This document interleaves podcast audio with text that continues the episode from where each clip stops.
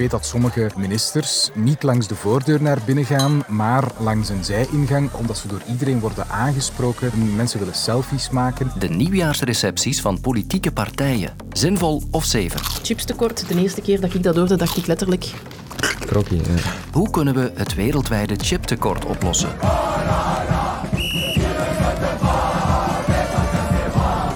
Hoe kan het dat een Franse zesde klasser straks tegen topper PSG voetbalt? Dat zijn de drie vragen in deze maandagse editie van Het Kwartier. Ik ben Lode Roels, welkom.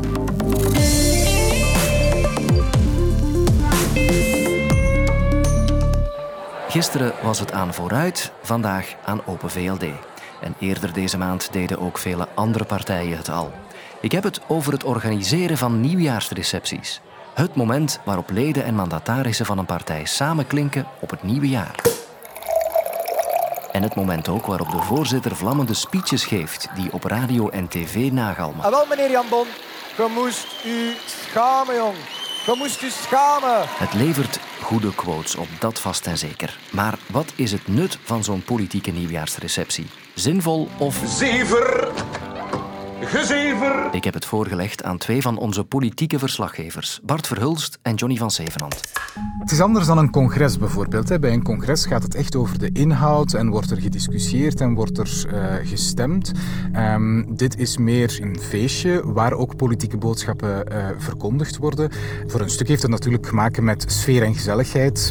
En er zijn ook natuurlijk ook ja, de traditionele toespraken eh, waarin dan ook politieke boodschappen zitten. In de jaren 90 waren die toespraken op zich niet zo belangrijk. Eh, het was vooral ja, een bijeenkomst van militanten, van partijtoppers. En wij gingen daar als journalisten vooral, vooral ja, voor onze achtergrond en waren veel minder geconcentreerd op die toespraken. Die toespraken zijn nu veel meer een onderdeel geworden van de politieke strijd om, om je ja, dus eh, te tonen wat je in je mars hebt. Wat je vaak ziet is dat partijen die in een regering zitten, dat die ehm, ook de tijd nemen, de partijvoorzitter, om eh, hun ministers even in de bloemetjes te zetten. En dan krijgen die ministers applaus. En dan is het vaak ook uitkijken wie krijgt er het meeste applaus en bij wie is het maar een lauw applaus. Bijvoorbeeld bij NVA ehm, was het eh, luidste applaus is lang voor Theo Franke geweest, nu nog altijd, maar Zoal Demir bijvoorbeeld eh, haalt ook heel luid applaus binnen, terwijl Ben Wijts, daar was het applaus iets zuiniger. Echt harde dingen kan je daar niet over zeggen, maar het zijn wel indicaties eh,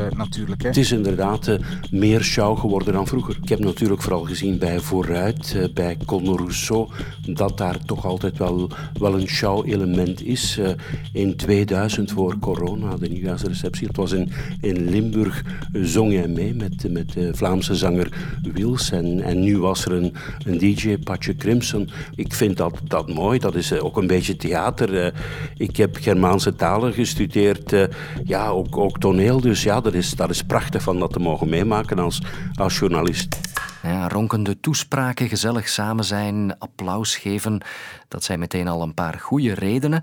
Ik heb er ook nog een academische expert bij gehaald. Ik ben Nicolas Boeteka, ik ben ehm, professor politieke wetenschappen aan de Universiteit Gent. En dat gesprek startte meteen met een bekentenis. Eigenlijk verzamel ik die nieuwjaarspeeches. Eh, het is geen vreemde bezigheid, het is vanuit wetenschappelijke doeleinden dat ik die tracht eh, te verzamelen. Net vanuit ehm, de idee dat ja, op dat moment, eh, op hetzelfde moment, alle partijvoorzitters aangeven welke thema's zij net belangrijk vinden.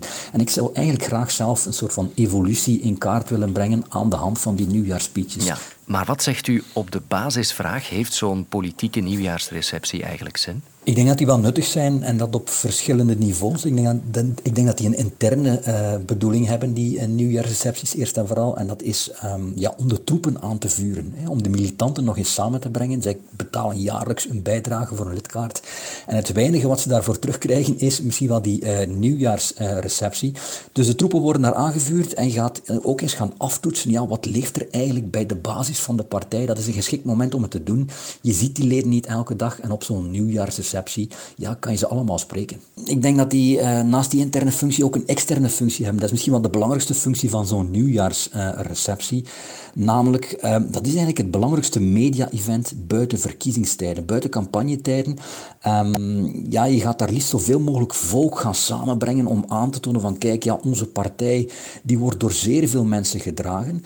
Eh, en ten tweede, ehm, ja, krijg je daar het moment waarbij de voorzitter ja, een vrij podium krijgt, als het ware, en een speech kan geven waarin hij een aantal zaken gaat benadrukken. Wat zijn de thema's die wij belangrijk uh, vinden? Op dat moment kan je dat gaan doen als politieke partij. En daarom is dat denk ik een heel belangrijk media-event dat zeer veel aandacht ook krijgt en waar voorzitters ook misschien wel een beetje wakker van liggen. Die denken goed na over wat ze daar gaan zeggen.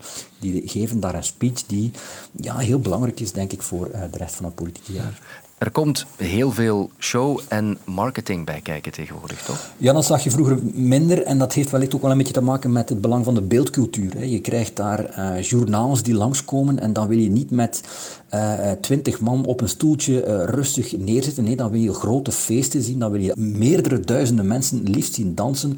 En dat geeft aan hoe goed die partij bezig is. Of dat zou in elk geval die indruk moeten geven. Dus daarvoor dienen die nieuwjaarsrecepties natuurlijk ook. Politicoloog Nicolas Boutica, dankjewel. Het is uh, vier uur in de namiddag intussen en dan krijg ik al wel eens een hongertje. Dus ik ben even naar de automaat op de redactie gewandeld hier. Want ik wil het hebben over chips. Het is te zeggen over het tekort aan chips. En dan heb ik het niet over die zoute chips die ik nu net in mijn mond heb gestoken. Want als ik naar de automaat kijk, denk ik, daar is voorraad genoeg van. Ik wil het hebben over microchips die gebruikt worden in uh, smartphones, auto's, laptops, noem maar op, en het zit erin. Zo, terug in de studio met een lege mond om te praten over dat chiptekort dus. Want ik hoor er al jaren over. En vanochtend zat het opnieuw in het nieuws. Bij Volvo in Gent ligt de band weer stil daardoor. Nieuws met Sandra Statius vanuit Oost-Vlaanderen. Autobouwer Volvo Car Gent legt zijn productie de hele week stil door een tekort aan semiconductoren, beter gekend als microchips. Het chiptekort is een wereldwijd probleem. Vorig jaar zat Volvo daardoor aan 40 ongeplande dagen waarop het niet kon produceren. Waarom sleept dat wereldwijde probleem zo lang aan? En kunnen we het oplossen? Goedemiddag, Robert Boeten hier. Deze professor productie en logistiek aan de KU Leuven en de Vlerik Business School kan er mij meer over vertellen. Ja, dat klopt. Over het wereldwijde tekort in chips, maar eigenlijk ook in heel veel andere grondstoffen, waar dat we nu al een paar jaar toch met tekorten te maken hebben. Waarom blijft dat chiptekort maar duren? Het probleem is eigenlijk dat het evenwicht tussen de vraag en het aanbod van elk van die grondstoffen volledig verstoord is. En eigenlijk is het begonnen toen we de eerste signalen kregen van het coronavirus in China. Nog voordat er COVID was bij ons in, in België, was er een vrees voor toeleveringsproblemen uit China, waardoor heel veel bedrijven grote bestellingen zijn gaan plaatsen. Niet weten natuurlijk dat een paar weken later plots heel de wereld in een lockdown zou gaan uh, zitten waardoor dat de vraag helemaal is stilgevallen, maar al de bedrijven zaten op een grote berg van voorraden die zij op voorhand besteld hebben. En in heel, het, het, jaar 2020 eigenlijk hebben de bedrijven geprobeerd om hun overtollige voorraden uh, stelselmatig weg te werken, waardoor dat heel die toeleveringsketen eigenlijk is stilgevallen. Maar een klein jaar later, hoera, goed nieuws, er was een vaccin, is heel die economie terug opgeveerd. Al die bedrijven hebben op exact hetzelfde moment hun voorraden terug willen aanvullen. En door die druk zijn er tekorten ontstaan. En ja, wat doen we als we weten dat er een tekort is? Dan gaan we nog meer bestellen, waardoor dat er nog meer druk is ontstaan op die toeleveringsketen en nog meer tekorten. En zo is het probleem eigenlijk altijd maar groter geworden.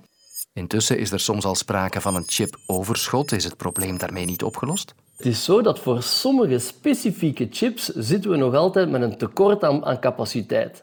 Maar er zijn heel veel chips in allerlei geuren en kleuren. En voor andere uh, hebben we dan weer een overschot. En die overschot heeft dan weer te maken met het feit dat bijvoorbeeld vandaag de vraag naar smartphones, de vraag naar uh, digitale apparatuur om thuis te werken, dat die kleiner is dan twee of drie jaar geleden in het midden van de lockdown. Het klopt dat er voor sommige chips is er een overschot, maar jammer genoeg niet voor alle chips die we zomaar kunnen, kunnen leveren. Welke oplossingen zijn er en tegen wanneer zijn die er? Wel, het probleem is dat er vandaag door de toenemende complexiteit van de producten dat de specifieke vereisten voor een specifieke component al maar groter worden. Waardoor dat een bedrijf die een bepaalde microchip nodig heeft, dat die zegt, ik kan maar enkel dat product van die leverancier, enkel die kan ik aankopen. Het zou veel beter zijn, moesten wij enige redundantie kunnen inbouwen en zeggen, kijk, wij hebben niet alleen de mogelijkheid om component A te kiezen, maar ook component B, die misschien een beetje anders is, maar wij kunnen die component van een andere leverancier krijgen voor het geval dat het eerste component, component A, niet meer kunnen krijgen. De productie omhoog die zou kunnen helpen, maar daar moet ik u in teleurstellen dat het niet zo eenvoudig is om snel een nieuwe fabriek op te zetten die chips maakt. Ik denk dat we nog een jaar moeten wachten vooraleer dat de evenwichten terug eh, hersteld zullen zijn.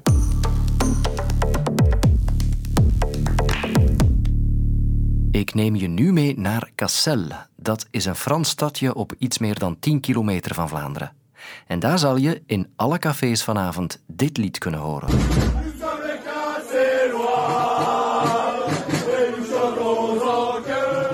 Een supporterslied van de lokale voetbalploeg Pays de Cassel.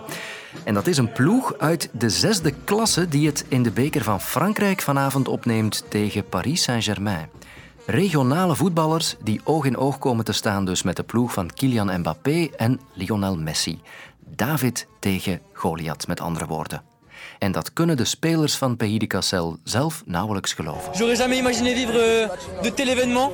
C'est vraiment formidable. J'ai toujours rêvé de jouer contre les plus grands joueurs comme Messi, Mbappé, Neymar. Donc euh, franchement, euh, c'est incroyable. Een ongelofelijke stunt is het inderdaad, vertelt Cyril Chefferet. Hij volgt het Franse voetbal voor Sportza. Ze hebben eigenlijk al acht matchen moeten spelen om eh, hier te geraken in die match tegen PSG. Ze zijn ook moeten starten in de regionale rondes. Daar hebben ze vijf matchen gespeeld. Daarna hebben ze drie matchen gespeeld op het nationaal niveau van het beker van Frankrijk. Was het altijd zeer nipt. De twee laatste matchen zijn ze telkens doorgegaan via strafschoppen. Dus het is echt, uh, echt een strafverhaal eigenlijk. Het zijn jongens die elke week voor uh, drie mannen en een paardenkop voetballen. En die gaan nu tegen de grootste sterren van de wereld voetballen. Vanavond gaan er uit de regio van waar zij komen, gaan er een zestigtal bussen ingelegd worden. Er is zelfs een speciale trein ingelegd om iedereen naar daar te brengen. Iedereen heeft natuurlijk vakantie moeten nemen voor deze match, want het zijn allemaal mensen die nog een job hebben naast hun voetbalcarrière. Behalve de doelman, want die is bakker in Lille. En hij is gesloten op zondag en maandag. Dus hij is de enige die eigenlijk vandaag geen vakantie heeft, uh, heeft moeten nemen. Als de logica wordt gerespecteerd, maken ze geen enkele kans. PSG zou vanavond trouwens met de beste ploeg spelen, met Mbappé, met Neymar. Dus eigenlijk maken ze geen kans. Maar in het voetbal weet je nooit, met dat volle stadion, met dat enthousiasme, kunnen ze misschien wel stunten. Want PSG is zeer slecht aan het jaar begonnen. Een opvallend verhaal dus, en het wordt nog straffer. Want in het voetbalstadion zullen de supporters van Pays de Cassel vanavond met Vlaamse leeuwenvlaggen wapperen. Ik heb onze Frankrijk-kender Ronnie van Gastel even uit zijn pensioen gehaald. Dat doen we nog altijd heel graag, met plezier. Hij vertelt hoe dat komt. Eeuwenlang is uh, Cassel Vlaanderen geweest en we zeggen nu wel Cassel, zoals de Fransen het zeggen. Maar eigenlijk is het natuurlijk gewoon Kassel. Uh, van de Kasselberg. Dat heeft een belangrijke rol gespeeld in, in onze geschiedenis. En het is pas eigenlijk de zonkoning, uh, Lodewijk XIV, die uh, de Franse legers naar daar gestuurd heeft en Kassel heeft ingenomen, net trouwens als een aantal andere steden en stadjes in de buurt. Uh, Rijssel bijvoorbeeld. Hè. En het, het grootste en het belangrijkste is misschien wel de taal. Want in de 17e eeuw is Kassel dus Frans geworden. Het is de hele tijd Vlaams geweest. Maar het Vlaams, het uh, lokale dialect, het Vlaams is daar veel langer gesproken. Dus het is en het ademt gewoon uh, Vlaanderen. Hè. En dat merk je ook als je daar bent, ook nu nog. Als je op de grote markt komt met die kinderkopjes, die typisch Vlaamse kasseien. En ze hebben nog allerlei andere Vlaamse tradities. Hè. Er zijn twee reuzen bijvoorbeeld die uh, geregeld meegaan. Ik denk dat ze zelfs vanavond ook in het stadion zullen te zien zijn, wellicht uitgedost in zwart-gele Vlaamse. En die reuzen heten reuze papa en reuze maman. Dus niet géant papa en géant maman, maar dus echt reuzen op zijn Vlaams. De plaatselijke radio, dat is Radio Uilenspiegel, om maar iets te zeggen. Hè. Radio Uilenspiegel, 103 MHz. In de vorige bekerrondes uh, heb ik al gemerkt dat er inderdaad uh, veel met Vlaamse leeuwenvlaggen werd, uh, werd gezwaaid. De clubkleuren zijn natuurlijk ook geel en zwart hè, van US Pays de Cassel. Maar om ons enthousiasme een beetje te temperen en toch niet te zeggen van ja, Kassel dat is gewoon Vlaanderen dat tegen het grote PSG voetbalt. De club heeft op de site van de club nog eens de clubliederen gezet met de teksten erbij. En eerlijk gezegd, ik heb er eens naar geluisterd en gekeken. Dat zijn allemaal typisch Franse gezangen van Onela, Onela. En ook met Franse woorden. Maar dus wel vanavond met honderden of, of tientallen Vlaamse leeuwenvlaggen. Wat er ook gebeurt vanavond, de spelers van Pays de Cassel zijn nu al helden, dat is zeker. Drie nieuwe verhalen hoor je morgen in een nieuw kwartier. Tot dan. Luister ook naar Franks en Bilot, waarin Vincent Bilot en Rudy Franks de stand van de wereld opmaken. Nu in de app van VRT Max.